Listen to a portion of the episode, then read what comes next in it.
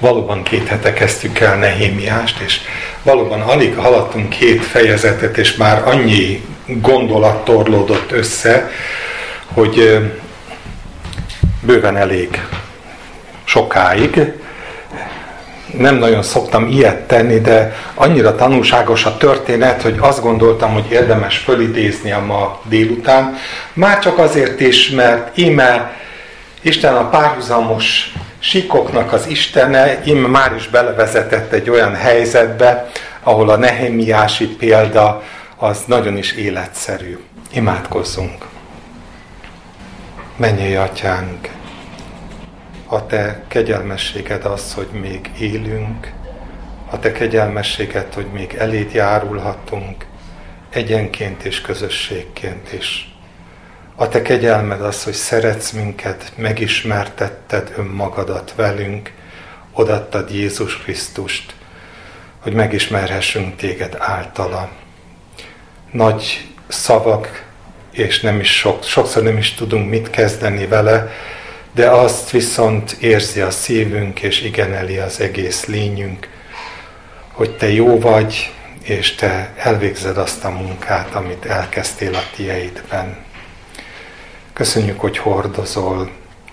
Köszönjük neked azt, hogy olyankor is, amikor mi nagy, gyors terveket kovácsolunk a jelenünkre, a jövőnkre, amikor neki feszülünk, és, és minden erőnkkel igyekszünk azon, hogy, hogy valahogy a te tetszésedet elnyerjük, akkor te megállítasz, és azt mondod, hogy elég néked az én kegyelmem. Megállítasz, és, és azt mondod, hogy ne akarj nagy dolgokkal gondolkodni, állj meg, és, és engedd meg azt az egy lépést, amit most akarok megmutatni neked. Úgyhogy így jövünk hozzád, szeretnénk ezt tanulni. Nem csak egy-egy vasárnap délután erejéig, de ebben a rohanó világban, ahol mindenki elvárja azt, hogy gyorsak, napra készek, fürgék legyünk a gondolkodásban és a cselekvésben egyaránt, segíts, hogy ne engedjük, hogy elvigyen a korszellem, hogy megállhassunk, hogy rád várhassunk, és hogy akkor lépjünk, amikor Te mondod, és azt lépjük, amit Te mondasz.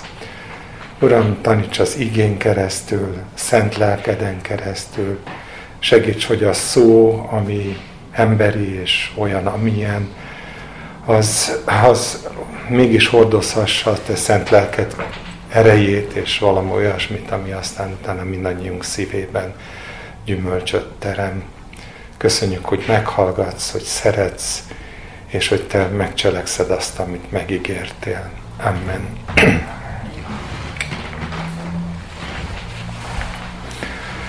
Szóval azzal kezdtem, és így is gondolom, hogy sokféle ember él, és sokféle keresztény él.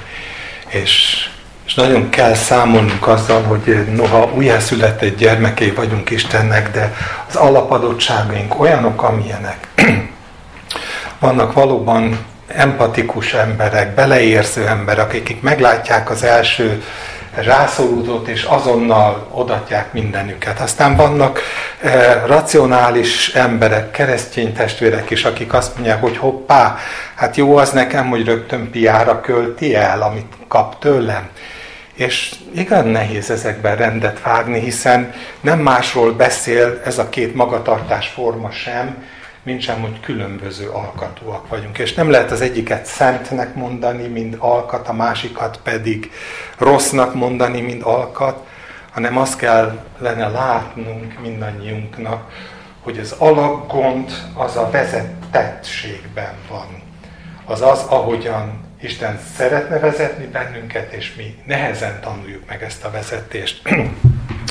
Nyilván a gyors emberek azzal küzdenek, hogy állandóan hát gyakorlatilag lendülne a láb, csinálnák a feladat. Ha egyszer látom a feladatot, ha egyszer jött egy csomagterv, hogy ezt kéne csinálni a kereszténységnek, még inkább neked, hiszen ott van a szükség, látod, menj, add oda magad, és, és, és elég is kell a szüksége, azok nyilván ezzel küzdenek, hogy, hogy, hogy vajon ténylegesen itt az ideje, hogy akcióba lendüljünk a lassú típusú emberek, akiknek sokszor még a gondolat is fáziskéséssel jut el hozzájuk, és ott ülünk egy biblia órán, és azért nem szól hozzá, mert majd csak másnap fogja megérteni, hogy miről szólt a biblia óra, és hogy tudna ilyen prompt és gyors válaszokat adni valamire, vagy véleményt formálni, amikor először meg kéne érteni.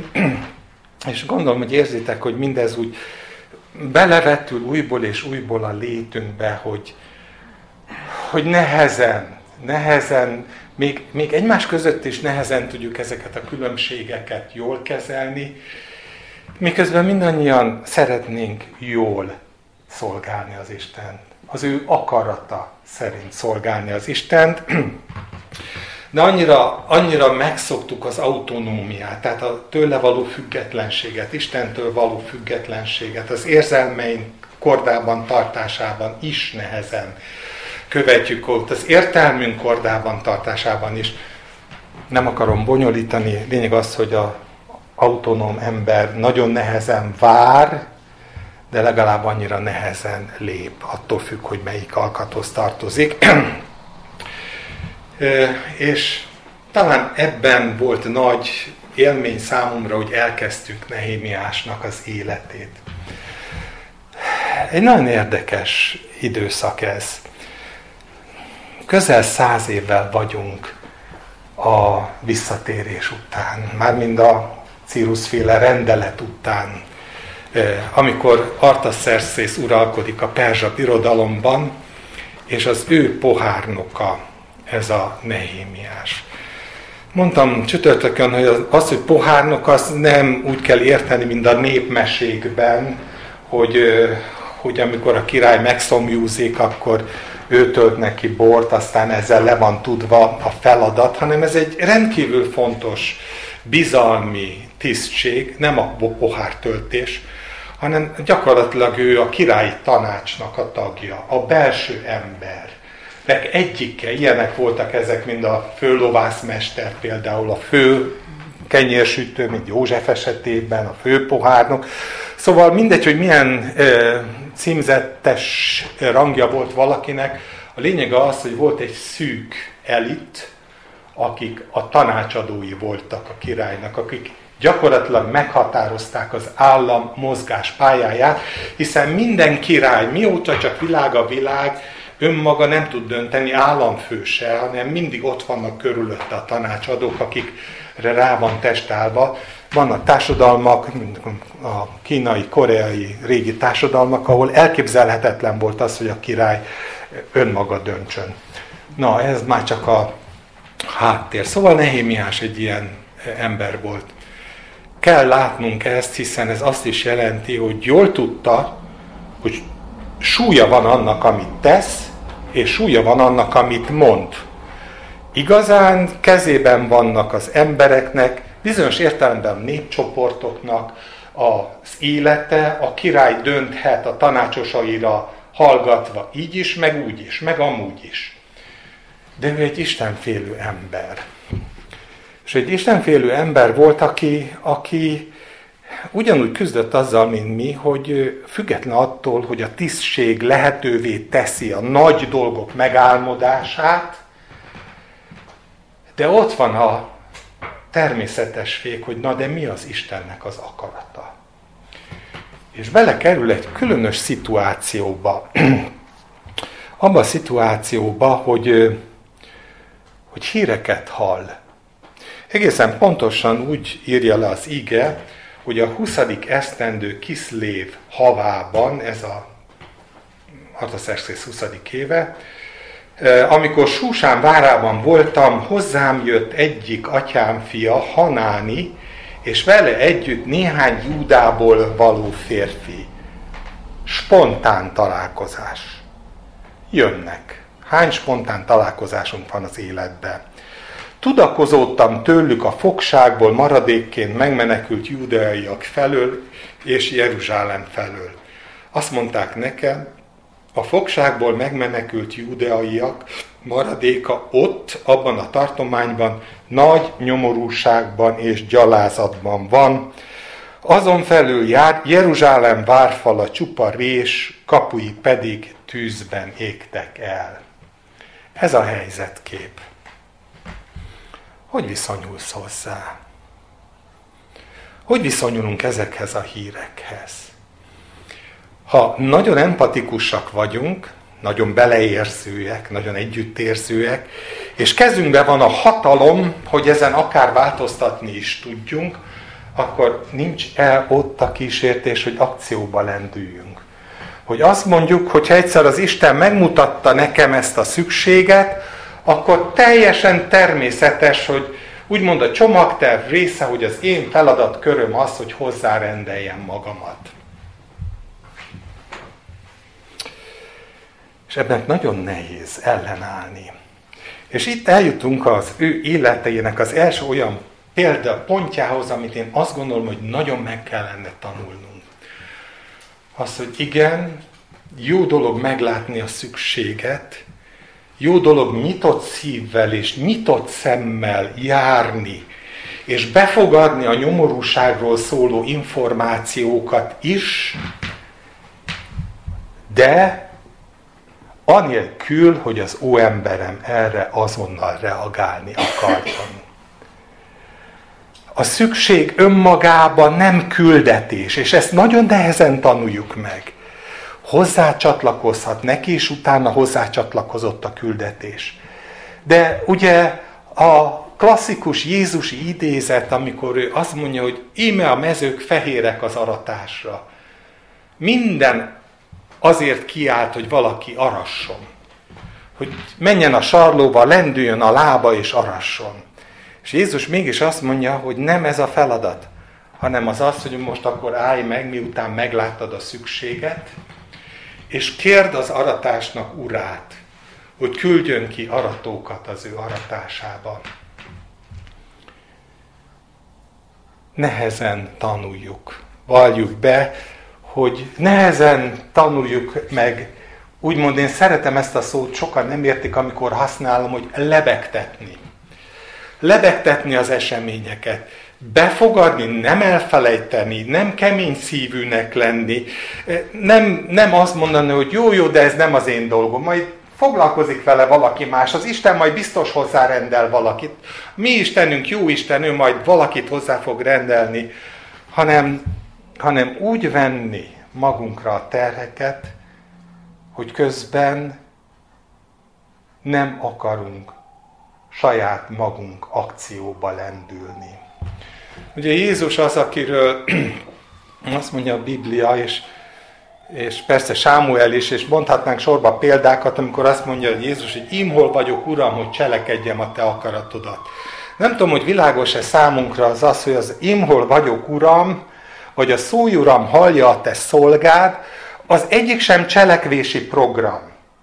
Az egyik sem olyan, hogy azt mondja, hogy megcsinálom, azt mondja, hogy megcsinálom a szónak abban az értelme, hogy a készséget kinyilvánítja, de a mozgásba lendülés pillanatát elválasztja a szükség meglátásától. Jézus, aki látta az emberiség minden nyomorúságát, erre volt hívva, ez a világ teremtése óta mégis, mégis azt mondja a Biblia, hogy amikor eljött az időknek teljessége, kiküldte az Isten az ő fiát.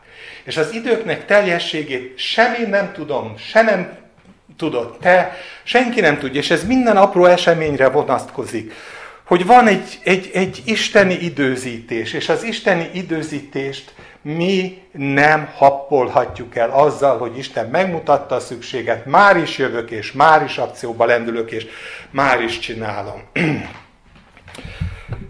A történet folytatása azért érdekes továbbra is, mert azt mondja, hogy amikor meghallottam ezeket, mármint a híreket, Nehémiás, napokon át ültem, sírtam, és keseregtem. Bőjtöltem és imádkoztam a menny Istene előtt. Érzitek, hogy ez a mozdulata az szóval kettős. Egyrészt nagyon magáévá teszi a, a, a, a gondot olyannyira, hogy bűnvallást tesz, ahogyan azt csinálja annak idején Dánielni. Dániel is az Isten előtt. azonosul a néppel, belátja azt, hogy mindaz, ami történik, az, az, az, az ítélet részeként teljesen jogos volt az Isten részéről. De mindez kiegészíti azzal, hogy nem csak kesereg, hanem imádkozik bőjtől. Keresi azt, hogy na, mi a következő lépés? Ez az egy lépést mutasban, mi a következő? Folytatja, ezt mondtam, kérlek, Uram, füled legyen figyelmes szolgát könyörgésére, és szolgáit könyörgésére, akik kedvüket lelik abban, hogy félik nevedet. Annyira szép megfogalmazás. Kedvüket lelik abban, hogy félik a te nevedet. Nem egy, nem egy erőszakos Isten tisztelet, nem egy teljesítményorientált Isten tisztelet, hanem azt kéri, hogy tekints azokra, akik önmagadért szeretnek téged. Akik nem azért engedelmeskednek neked, mert ez egy olyan elvárás, ami mellé csatolsz büntetést és jutalmazást, és jaj neked, hogyha nem csinálod, és mennyivel jobb lesz neked és az unokáidnak, meg ezer íziglen, hogyha csinálod, hanem azokra tekints, akik szeretnek téged, akik kedvüket lelik te benned, mert te vagy az Isten.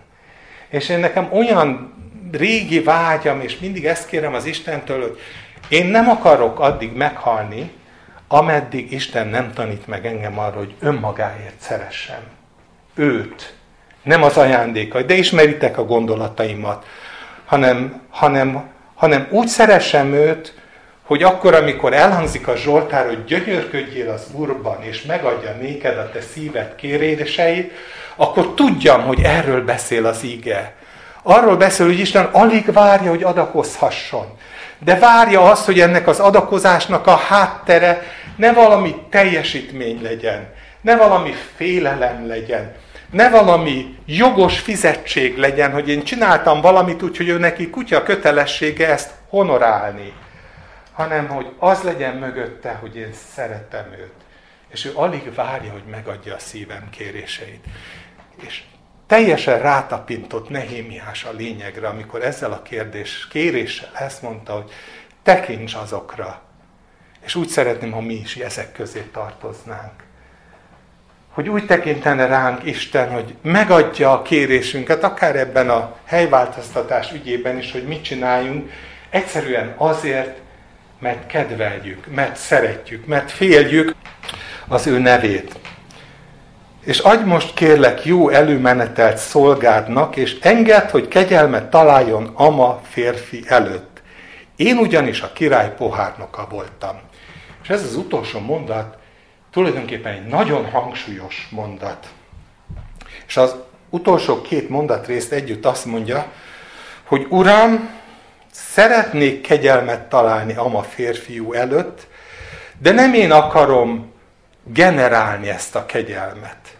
Szeretnék jó, hogyha jó indulattal viseltetne az ügy iránt, de nem akarok marketing tevékenységet folytatni, akkor sem, ha a hivatalomnál fogva megtehetné, mert én vagyok a főpohárnak, bizalmi ember vagyok, a királyi tanács tagja vagyok.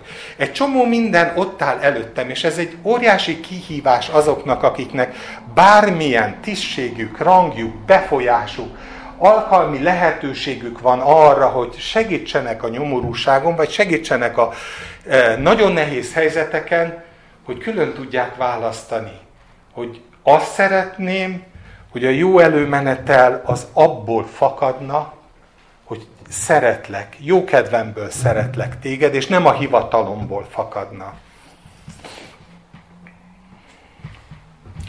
Úgyhogy én azt hiszem, hogy most teljesen függetlenül attól, hogy az ember tudja azt, hogy, hogy, hogy jó meglátni a szükséget, a következő lépés az minden esetben az, hogy imádkozó szívvel várni azt, hogy Istentől jöjjön a kezdeményezés.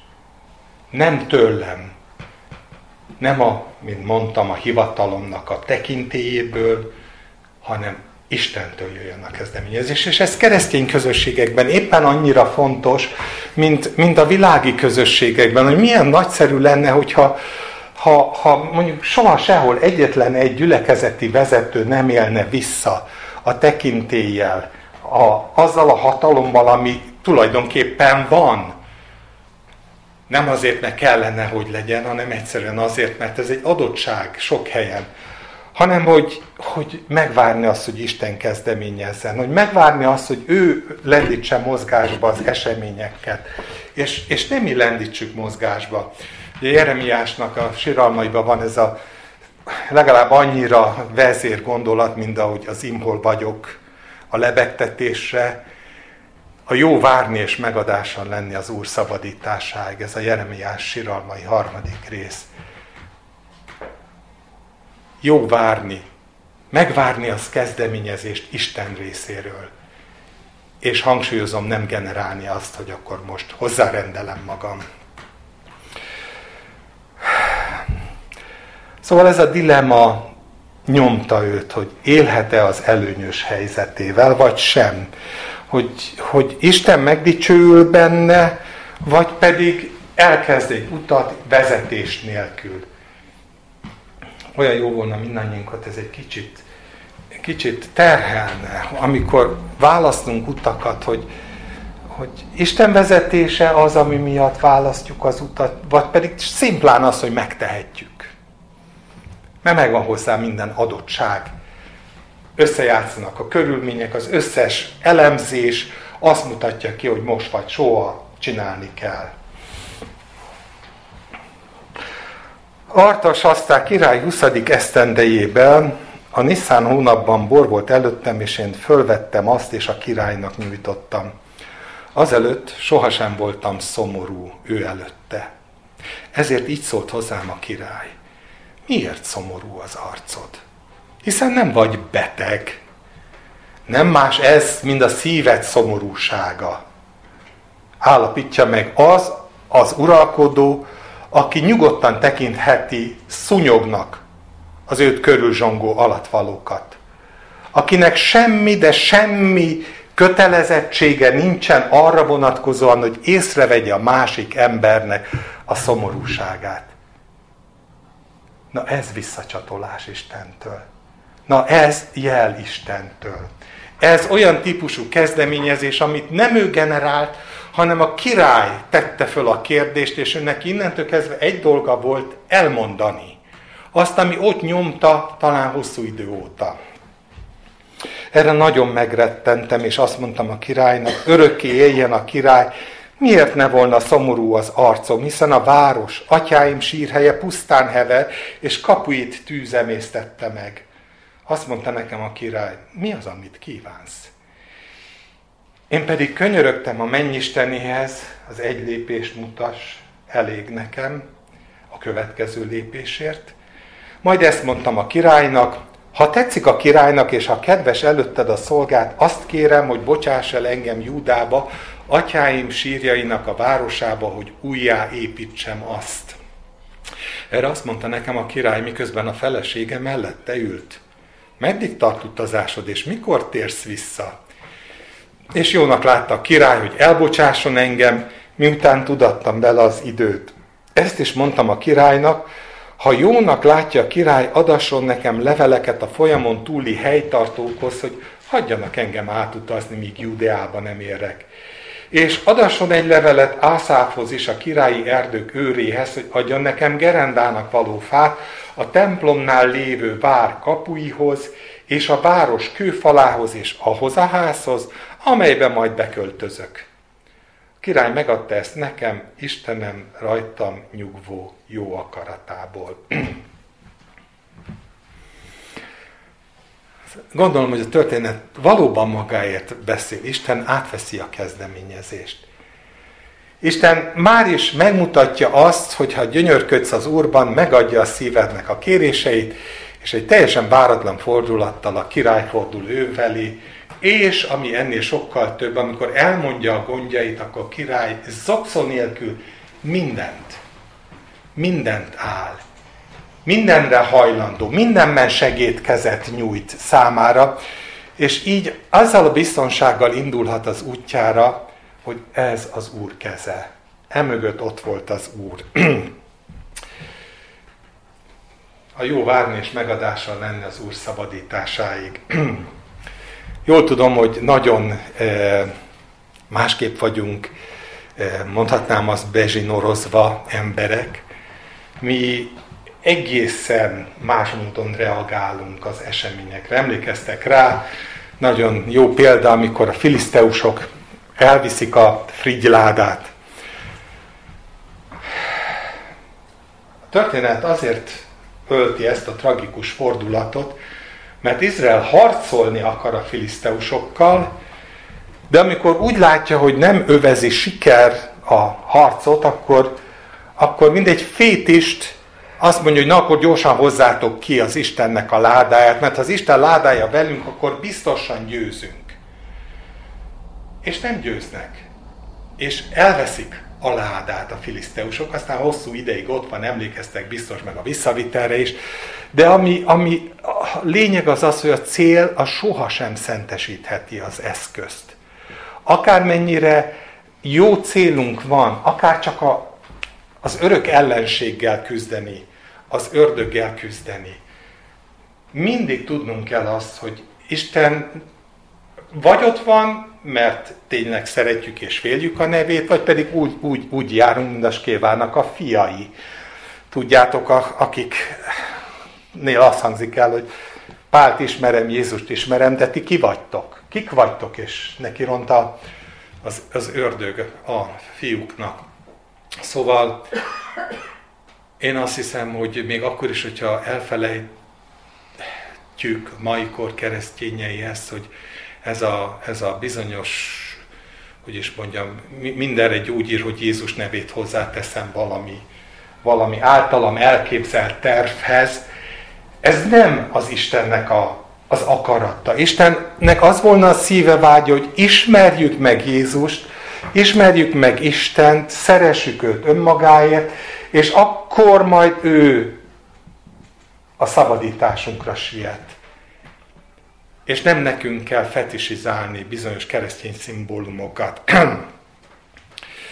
és aztán ugye Sámuel 7-ben már azt olvasjuk, hogy megérti a nép, bűnbánatot tart, és Sámuel miután könyörög, ugyanez a motivuma a könyörgés, a bűnbánat és a könyörgés, ami Nehémiásnál, vagy Dánielnél, vagy minden ilyen nagy embernél, akkor az úr pedig mennydöröge, mennydörge nagy hangon azon a napon a filiszteusok felett, és annyira megzavarta őket, hogy megverettetének Izrael előtt. És az Úrtól van a szabadítás. Nem tőlük, nem az általuk képzelt segítségtől, hogy majd a szövetség ládája az segíteni fog, hanem az Úrtól. Sámuel pedig vett egy követ, és felállítá Mispa és Becsán között, és Ében Hájézernek nevezte el, mert mondám mindeddig megsegített minket az Úr. Nagyon szeretem ezt a 7.12-nek ezt a mondatát, mindeddig megsegített. És amikor el tudjuk mondani, hogy az Úr segítette meg az eddig megtett lépéseinket, akkor valóban ez egy olyan emlékezés, ami reményt ad a jövőre vonatkozhat is. Úgyhogy én azt hiszem, hogy az a önteltség, az a gőg, az a bátorság, amivel mi emberek a saját kezünkbe akarjuk venni az események irányítását, az biztos, hogy nem vezet sikerre.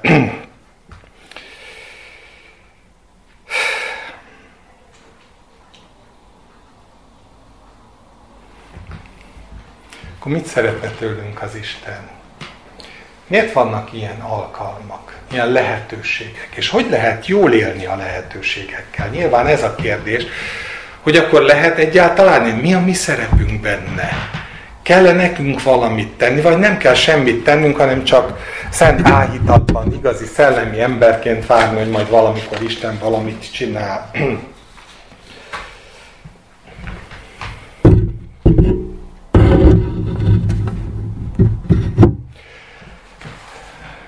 No, én azt gondolom, hogy Isten azért akar megismertetni bennünket, mindennel, ami, ami várhat ránk az úton, hogy aztán, aztán készek legyünk arra, hogy amikor az ő lelke mozdít, akkor már a, abba az irányba menjünk, ami felé ő szeretne vezetni bennünket.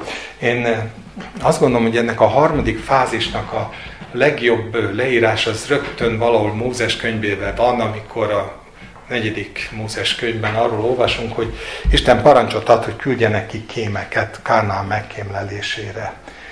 És az emberben fölmerül a kérdés, hogy minek? Hát vagy nekik adja, vagy nem adja nekik. Ha nekik adja, akkor ez egy befejezett tény, nincs mit megkémlelni rajta. Most is mondhatnánk mi nagy szellemi keresztények, hogy egyszer Isten nekünk adta, már hitben el is fogadtuk, akkor miért kell ezzel még foglalkozni, meg bajlódni, meg föltárni a részleteket, megismerni a körülményeket? Hát minek? Hát Isten megígérte, meg fogja adni. Pont. Kész. Elolvasnám azt a részt, mert szerintem nagyon jól illusztrálja a kérdést. Ekkor azt mondta az Úr Mózesnek, küldj el férfiakat, hogy kémlejék ki Kánaán földjét, amelyet Izrael fiainak adok. Odadom, de küld ki, kémlelt ki. Egy-egy férfit küldjetek atyáik minden törzséből, mindegyik főember legyen. Amikor elküldte őket Mózes Kánán földjének kikémlelésére, azt mondta nekik, menjetek a délvidéken át föl a hegyekbe, nézzétek meg a földet, hogy milyen, és a népet, amely rajta lakik, hogy erőse vagy erőtelen. Kevés vagy sok. Tök nonsens. Ha egyszer Isten nekik adta, akkor ez nem lényegtelen? Ez költői kérdés volt. és milyen a föld, amelyen lakik? Jó-é vagy hitvány? Milyenek a városok, amelyekben lakik? Táborokban vagy erősségekben lakik-e? Milyen a föld? Kövére vagy sovány? Van-e rajta fa, vagy nincs? azt hiszem, hogy azért valamennyire lehet észlelni, hogy Isten szeretné, hogy megismerjük a munkaterületet. Isten szeretné, hogyha, hogy megismerjük a küldetésünknek a lehetséges alternatíváit, amiben torkolhat egy küldet, amivel szembe kell néznünk. A küldetés során szembe kell néznünk. Sok vagy kevés? Termékeny vagy terméketlen? Nagyon egyszerű dolgok. Milyenek a népek? Erősek vagy gyengék? Isten szeretné, hogy lássuk azt, amilyen lehetőségekbe majd belebotlunk. Mert az ördög mindig mindent ki fog használni arra, hogy, hogy megfélemlítsen bennünk, hogy, hogy elhasaljunk, mielőtt be tudnánk fejezni a küldetést, hogy megrettenjünk, mert nem vagyunk fölkészülve. Mindenre föl vagyunk készülve, de amikor szembe állunk az ellenséggel, akkor azt látjuk, hogy oh, egyáltalán nem vagyok fölkészülve attól még nem a miénk a szabadítás. De Isten azt akarja, hogy ismerjük meg. Hogy akkor, amikor szembenézünk a nehézséggel, akkor tudjuk azt, hogy ő ebből is meg tud szabadítani bennünket. És így van az élet minden pillanatában.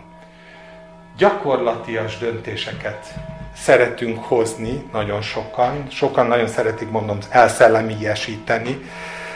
De legalább annyira hiba tud lenni az egyik, mint a másik, ha nincs mögötte ott az Isten.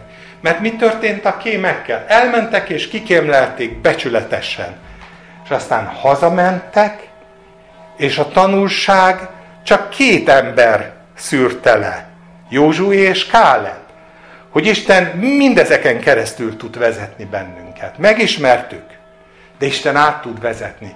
A többi kém az egyszerűen elkezdett az analitikájából, a helyzet értékeléséből kiindulva félni. És ezt a hangulatot terjeszteni a népbe, hogy nagy, erős az anákok fiai, nem tudjuk legyőzni őket. És nem arra hívta őket, hogy ők azt mérlegeljék, hogy milyen milyen lehetőségeik, vagy milyen eshetőségeik vannak a győzelemre. Csak arra hívta őket, hogy lássák.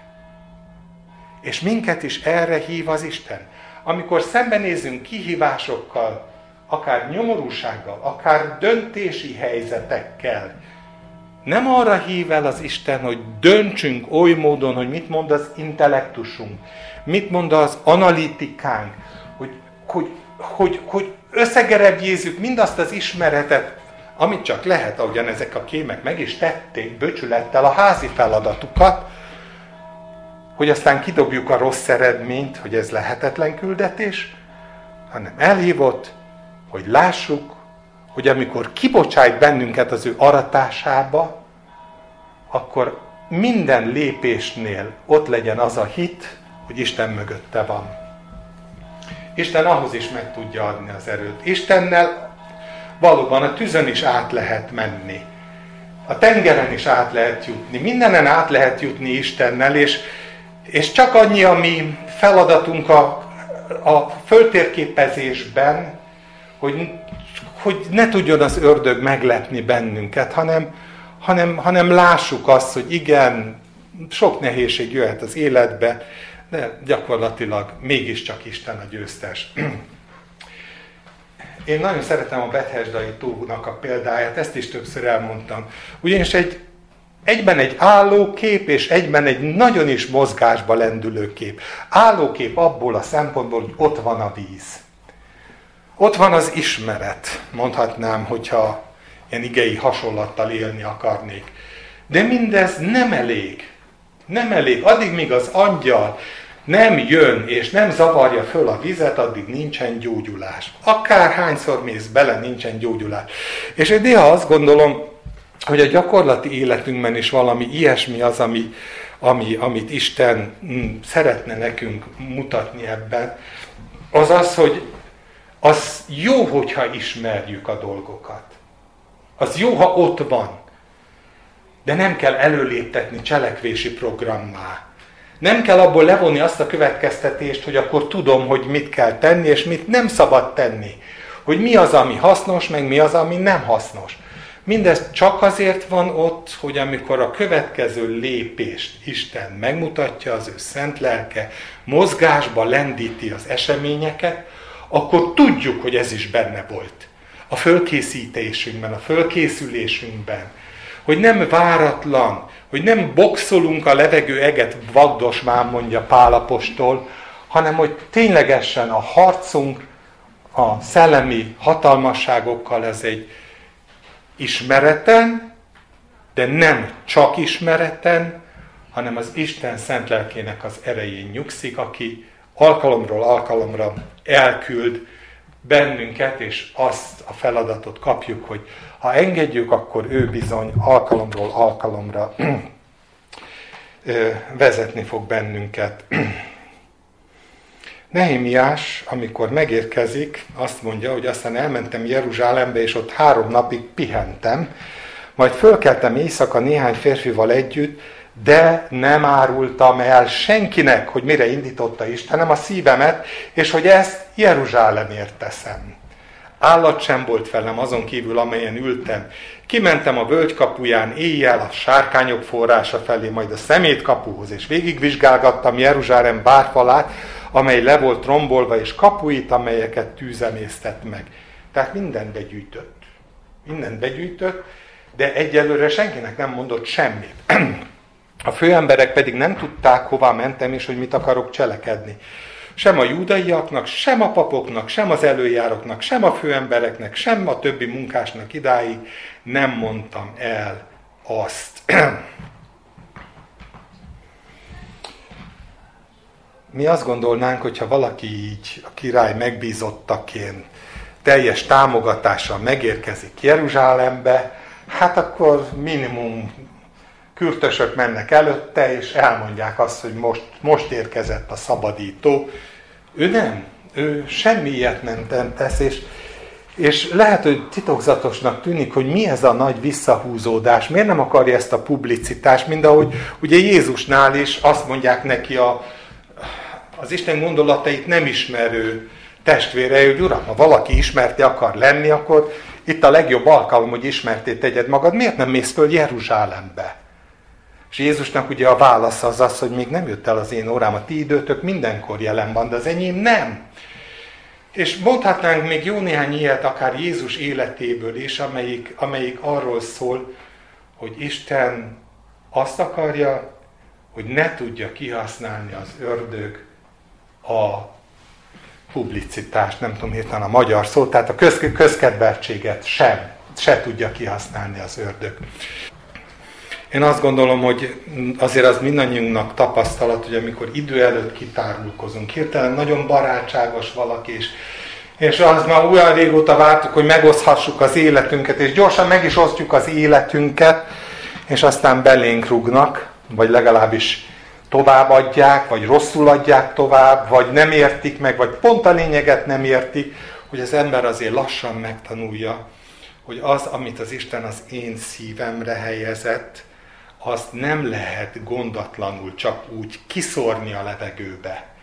Ha az én feladatom, ha az én küldetésem, akkor is meg kell várni azt, amíg fölkészülök arra, hogy mindent ismerek, mielőtt úgy mindent, tehát amit lehet, mielőtt megosztom a többiekkel.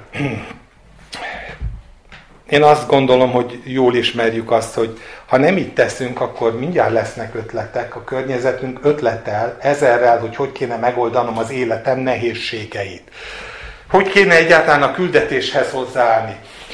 Ötlettel tele van a padlás. De ez csak arra jó, hogy elterelje a figyelmünket arról, hogy no és Isten mit mond. Mert időnként Isten teljesen más mond, mint amit a környezet mond, vagy amit a barátok mondanak. Úgyhogy még a jó akaratú embereket is föl tudja sajnos az ördög használni arra, hogy összezavarjon bennünket a küldetésünkben. Ilyen, tényleg ilyen, ilyen nagyon jól ismert példa, Pál elmegy Filippibe, és mielőtt kimegy a, a folyópartra, ahol aztán majd találkozik az asszonyokkal, meg mi egyéb, néhány napot egyedül tölt. Ugyanez a picit nehémiási eset, fölméri a dolgokat, és utána megindul a gyülekezet Filippiben, de az ördög azonnal készen van arra, hogy, hogy elrontsa ezt a munkát, és akkor egyszer csak megjelenik ez a profitálás lelkével az, az a kis szolgáló lány, aki hát nem mond semmi rosszat. Azt mondja, ők hogy magasságos Istennek a szolgái, akik azért jöttek, hogy az evangéliumot hirdessék. Ha picit vissza pörgetjük ezt mondjuk Nehémiás napjaira, akkor érzékelitek azt, hogy, hogy milyen nagyon káros tud lenni az, ami mögött nincsen ott az Isten. És bizony Pálnak bántására lesz ez a szolgáló lányka, és, és kiűzi belőle ezt a lelket, hogy ne akarjunk belezavarni az Isten munkájába, akár jó szándékból, akár rossz szándékból, akár milyen indítékkal, és ez a mi életünkben is így van, hogy ki kell valahogy tolni a látómezőnkből mindent, ami nem az Istentől jövő küldetés, és minél kevesebb támadási felületet adni, hogy ne tudja az ördög idő előtt föltárni. Jézusnál is ezt figyelhetjük meg, hogy amikor azt mondják róla, hogy ő az Istennek a fia, akkor parancsol, hogy, hogy némuljon meg, és ne, idő előtt nem mondják el az, ami az, ami az ő szerepvállalása, mert csak kárt okoz. Nagyon szeretem Bacsbanitól tanultam meg, aki azt mondta, hogy ha nagyon hamar kitakarod a gyökereidet, tehát azokat a dolgokat, amiket Isten meggyökerezni akar a szívedben, a küldetésed, elhívásod, következő feladatod ö, okán, akkor csak annyit érsz el, hogy kiszáradsz. Az a fa, amelyiknek a gyökerei a szabadban vannak, az nem tudja megtartani a nedvességet, és elszárad, és nem tud gyümölcsöt teremni. És valahol így van a mi életünk is, hogy bizony azt nagyon fegyelmezetten meg kell tanulnunk, hogy annyit mondani, akkor mondani, amennyit kell, és amikor Isten mondja. Ez a legyen minden ember gyors a hallás és késedelmes a szólásra. Mert a legjobb indulatból is sokszor csak az ördög munkáját segítjük elő vele. Tudom, hogy egy kicsit extrém a, a, a idézet, de mégis valami ilyesmi köszön vissza Jézusnak a figyelmeztetésébe, amikor azt mondja, hogy ne adjátok oda azt, ami szent az ebeknek. És ne hányátok a ti gyöngyeiteket a disznók elé, hogy rátok támadva meg ne tapodjanak benneteket. A, függetlenül attól, hogy kutya, meg függetlenül attól, hogy disznó, nem ez erről szeretném a hangsúlyt helyezni, hanem azra az alapigasságra, amit Jézus mond, vannak dolgok, amik szenté váltak a szívünkben. Egyszerűen Isten mutatta meg. És ez nekem fény, irányít az éjszakában, reménycsugár, fénytorony, akármi. És hogyha ezeket a Istentől kapott kijelentéseket nem így kezelem, hanem egyszerűen szétszórom, akár jó indulatból, akár kérkedésből, akkor csak annyit érek el vele, hogy bizony a szerencsésnek induló, áldottnak induló küldetés is kudarccal végződhet, rád fordulnak, megtapodnak, és hiába valóvá válik a szolgálat. No, szóval ezeken mind keresztül megy Nehémiás. És csak akkor, amikor mindez megvan, és imádkozik az Istenhez, és visszatér Jeruzsálembe, akkor történik meg az, hogy megosztja a néppel az, hogy miért küldte őt Isten a valóságban. Azt mondtam nekik, látjátok a nyomorúságot, amelyben vagyunk, hogy Jeruzsálem pusztán hever, és kapui tűzben égtek el. Gyertek, építsük föl Jeruzsálem várfalát, hogy ne szégyenkezzünk többé. És elbeszéltem nekik Istenem rajtam nyugvó jó akaratát, és a király szavait is, amelyeket nekem mondott, erre azt mondták, fogjunk hozzá és építsük meg, és oda szánták kezüket a jó munkára.